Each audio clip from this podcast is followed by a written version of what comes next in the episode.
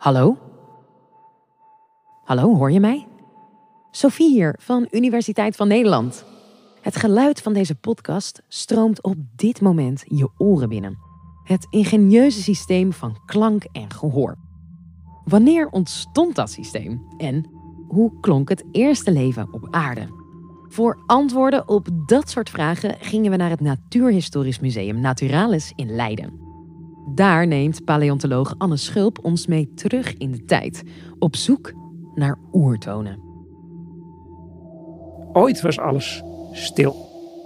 Het begint allemaal met de oerknal. En ja, wil je een knal horen, dan zal je toch ook eerst lucht moeten hebben waar het geluid doorheen gaat.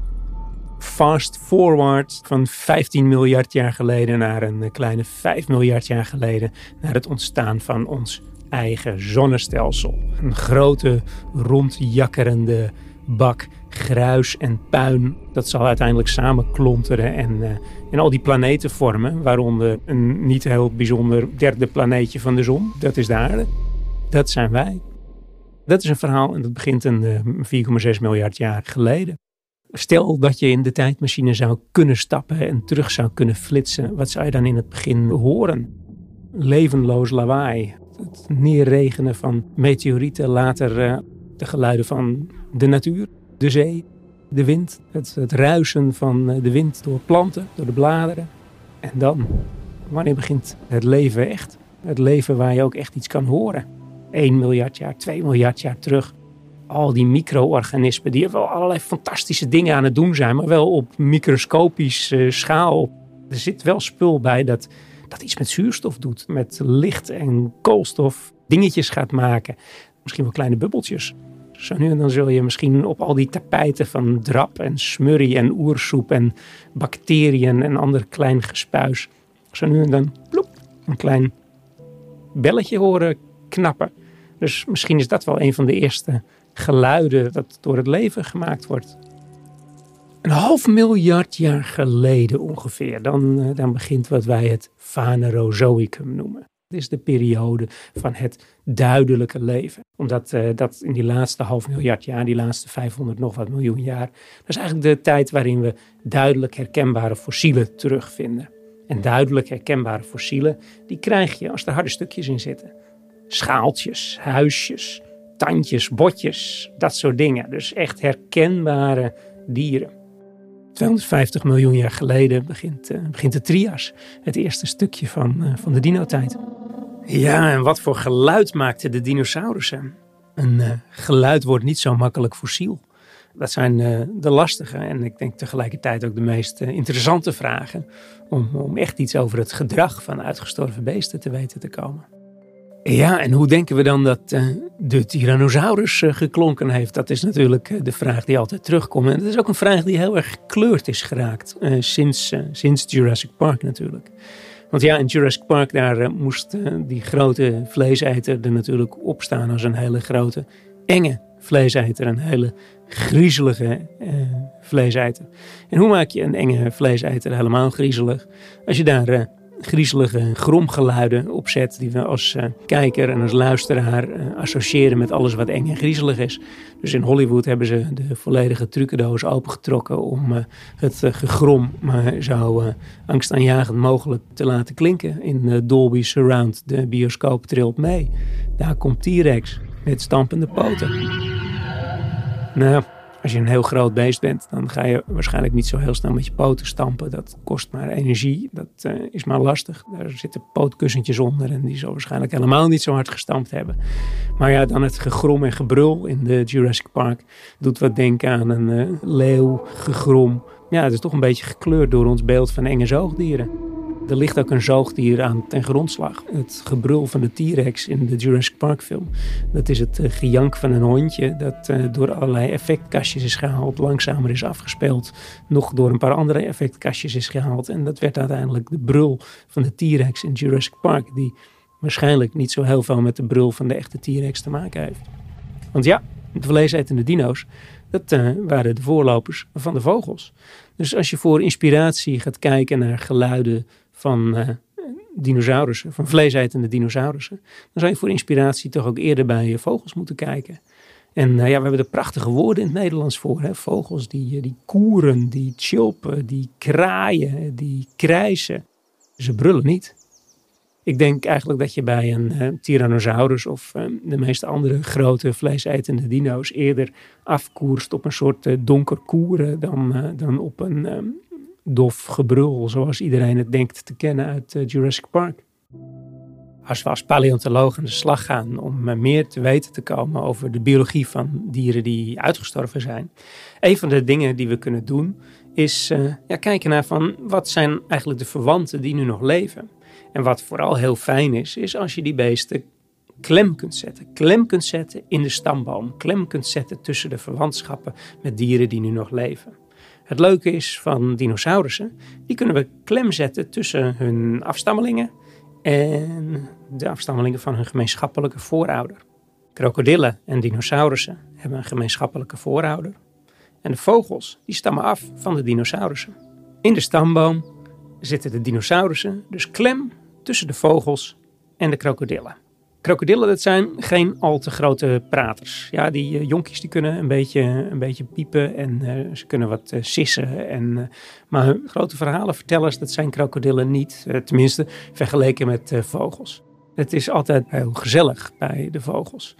Dus ja, wat kunnen we daarmee dan over de dinosaurussen zeggen? Nou, ze zitten klem tussen die saaie krokodillen en die uitbundige vogels. Wie van de twee? Ik geef het je te doen geluid maken, dat is iets. En dat, uh, dat, dat gebeurt vooral met allerlei flapjes en dingetjes uh, in de keel. Wij hebben stembanden.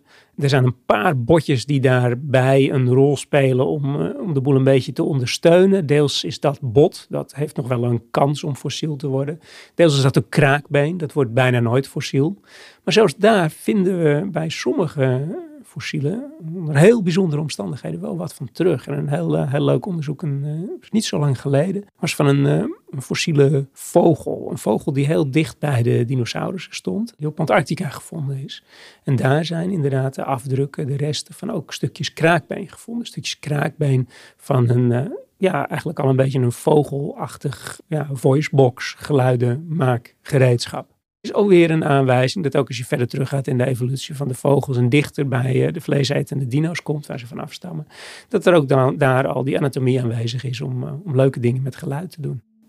Nou, we kunnen natuurlijk even een, een kijkje nemen in de, in de dinosauruszaal. We hebben hier in uh, Naturalis, in het museum, een, grote zaal met uh, dinosaurusskeletten we willen in de, in de dinozaal onze bezoekers echt meenemen in de dino-tijd. Aan de ene kant met ja, puur wat hebben we, wat weten we. Nou, wat hebben we? Dat zijn de fossielen, de skeletten, de overblijfselen.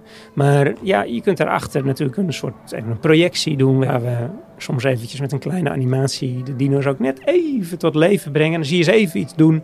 En uh, daarmee nemen we je ook een beetje mee in een, uh, in een soundscape. Je hoort toch een beetje van hoe het geklonken zou kunnen hebben. Nou, we kunnen, we kunnen hier even zoef door de dino-tijd. Als je hier binnenkomt, dan zitten we nog in de trias bij Plateosaurus. Hier komen we de Jura binnen. Je ziet die langnek dino, die grote langnek dino. Uh, Camarasaurus. Stegosaurus, met die stekels op de rug en die punten op de staart. De Triceratops, die driehoorn dino, met die uitbundige kam achterop. Van de Hadrosaurus hebben we hier Edmontosaurus. En als we hier, hier de hoek omgaan, dan eh, lopen we hier uh, ja, met de dinosaurus mee. Je hoort ze hier al een beetje voorbij uh, stampen. Naar de Tyrannosaurus, de T-Rex in, in Naturalis. Kijk, daar staat het skelet op de, op de achterpoten. De oren die zitten, heel, die zitten een beetje verstopt hier. Moet even hier van de zijkant. Um, daar ergens moet het, uh, moet het oor gezeten hebben. Reptielen, dinosaurussen, uh, die hadden niet zo'n fantastisch gehoor als, uh, als bijvoorbeeld de zoogdieren. Bij ons, bij ons zitten, zitten heel veel elementen van achterin de schedel, van het oor, die zitten heel anders in elkaar. Met, met nog allerlei handige, slimme botjes die een beetje kunnen meetrillen. En daarom hebben wij als zoogdier veel beter oren dan, dan al die dino's bij elkaar. Het klassieke verhaal is altijd dat de zoogdieren die leefden in de dinotijd in de schaduw van de dinosaurussen. Die werden groot, die werden succesvol, die uh, waren de baas overal. En de zoogdieren, ja, dat bleef allemaal maar klein en die speelden een soort van uh, tweederangs rolletje in de schaduw. En dat, dat was het allemaal niet zo. En pas toen de dino's uitstierven, grepen de zoogdieren hun kans. Dat is een beetje het klassieke verhaal. Nou, daar komen gelukkig wel wat basjes in, want um, ook de zoogdieren, daar zien we allerlei leuke succesverhalen. En uh, zo zijn er ook uh, zoogdieren die best al behoorlijk fors werden in de dino-tijd. Zo groot als een uh, flink huisdier, een, een middenmoot hond ongeveer. Die frat ook wel eens de dinosaurusnesten leeg, maar toch, je hebt toch een andere rol. Hè? Dus wat spookte die zoogdieren allemaal uit? Ja, dan moet je dus zoeken naar plekjes waar je anderen niet in de weg zit. overdag in je holletje zitten en s'nachts als niemand kijkt je ding doen. Nachtdieren. En uh, met grote oogjes die veel licht vangen kun je bij het maanlicht natuurlijk heel veel doen. Maar uh, er is natuurlijk ook de wereld van de geuren en er is ook de wereld van geluid. En in die wereld van geluid, daar uh, heb je een enorme voorsprong als je een, een, goed ontwikkeld gehoor hebt. Een gehoor waarmee je echt in 3D je omgeving in kaart kunt brengen. Waarbij de vleermuis natuurlijk een, een, het voorbeeld bij uitstek is.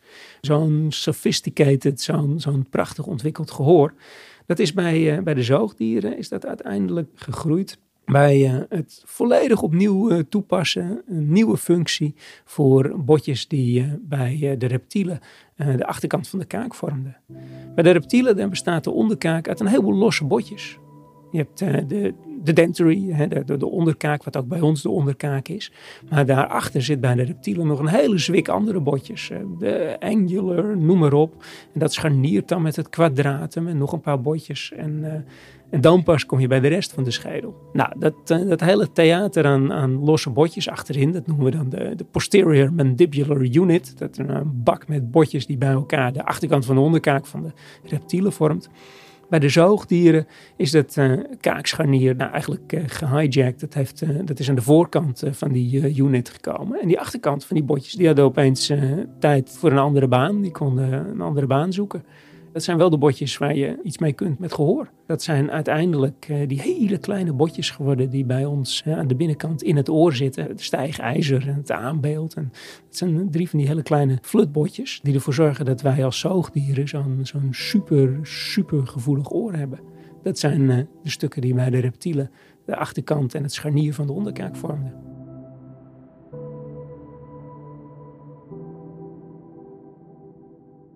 Dank je, Anne. Het beeld van een koerende T-Rex blijft nog even door mijn hoofd spoken. En vond je dit een leuke podcast? We hebben er nog zo'n 470 voor je klaarstaan. Tot de volgende!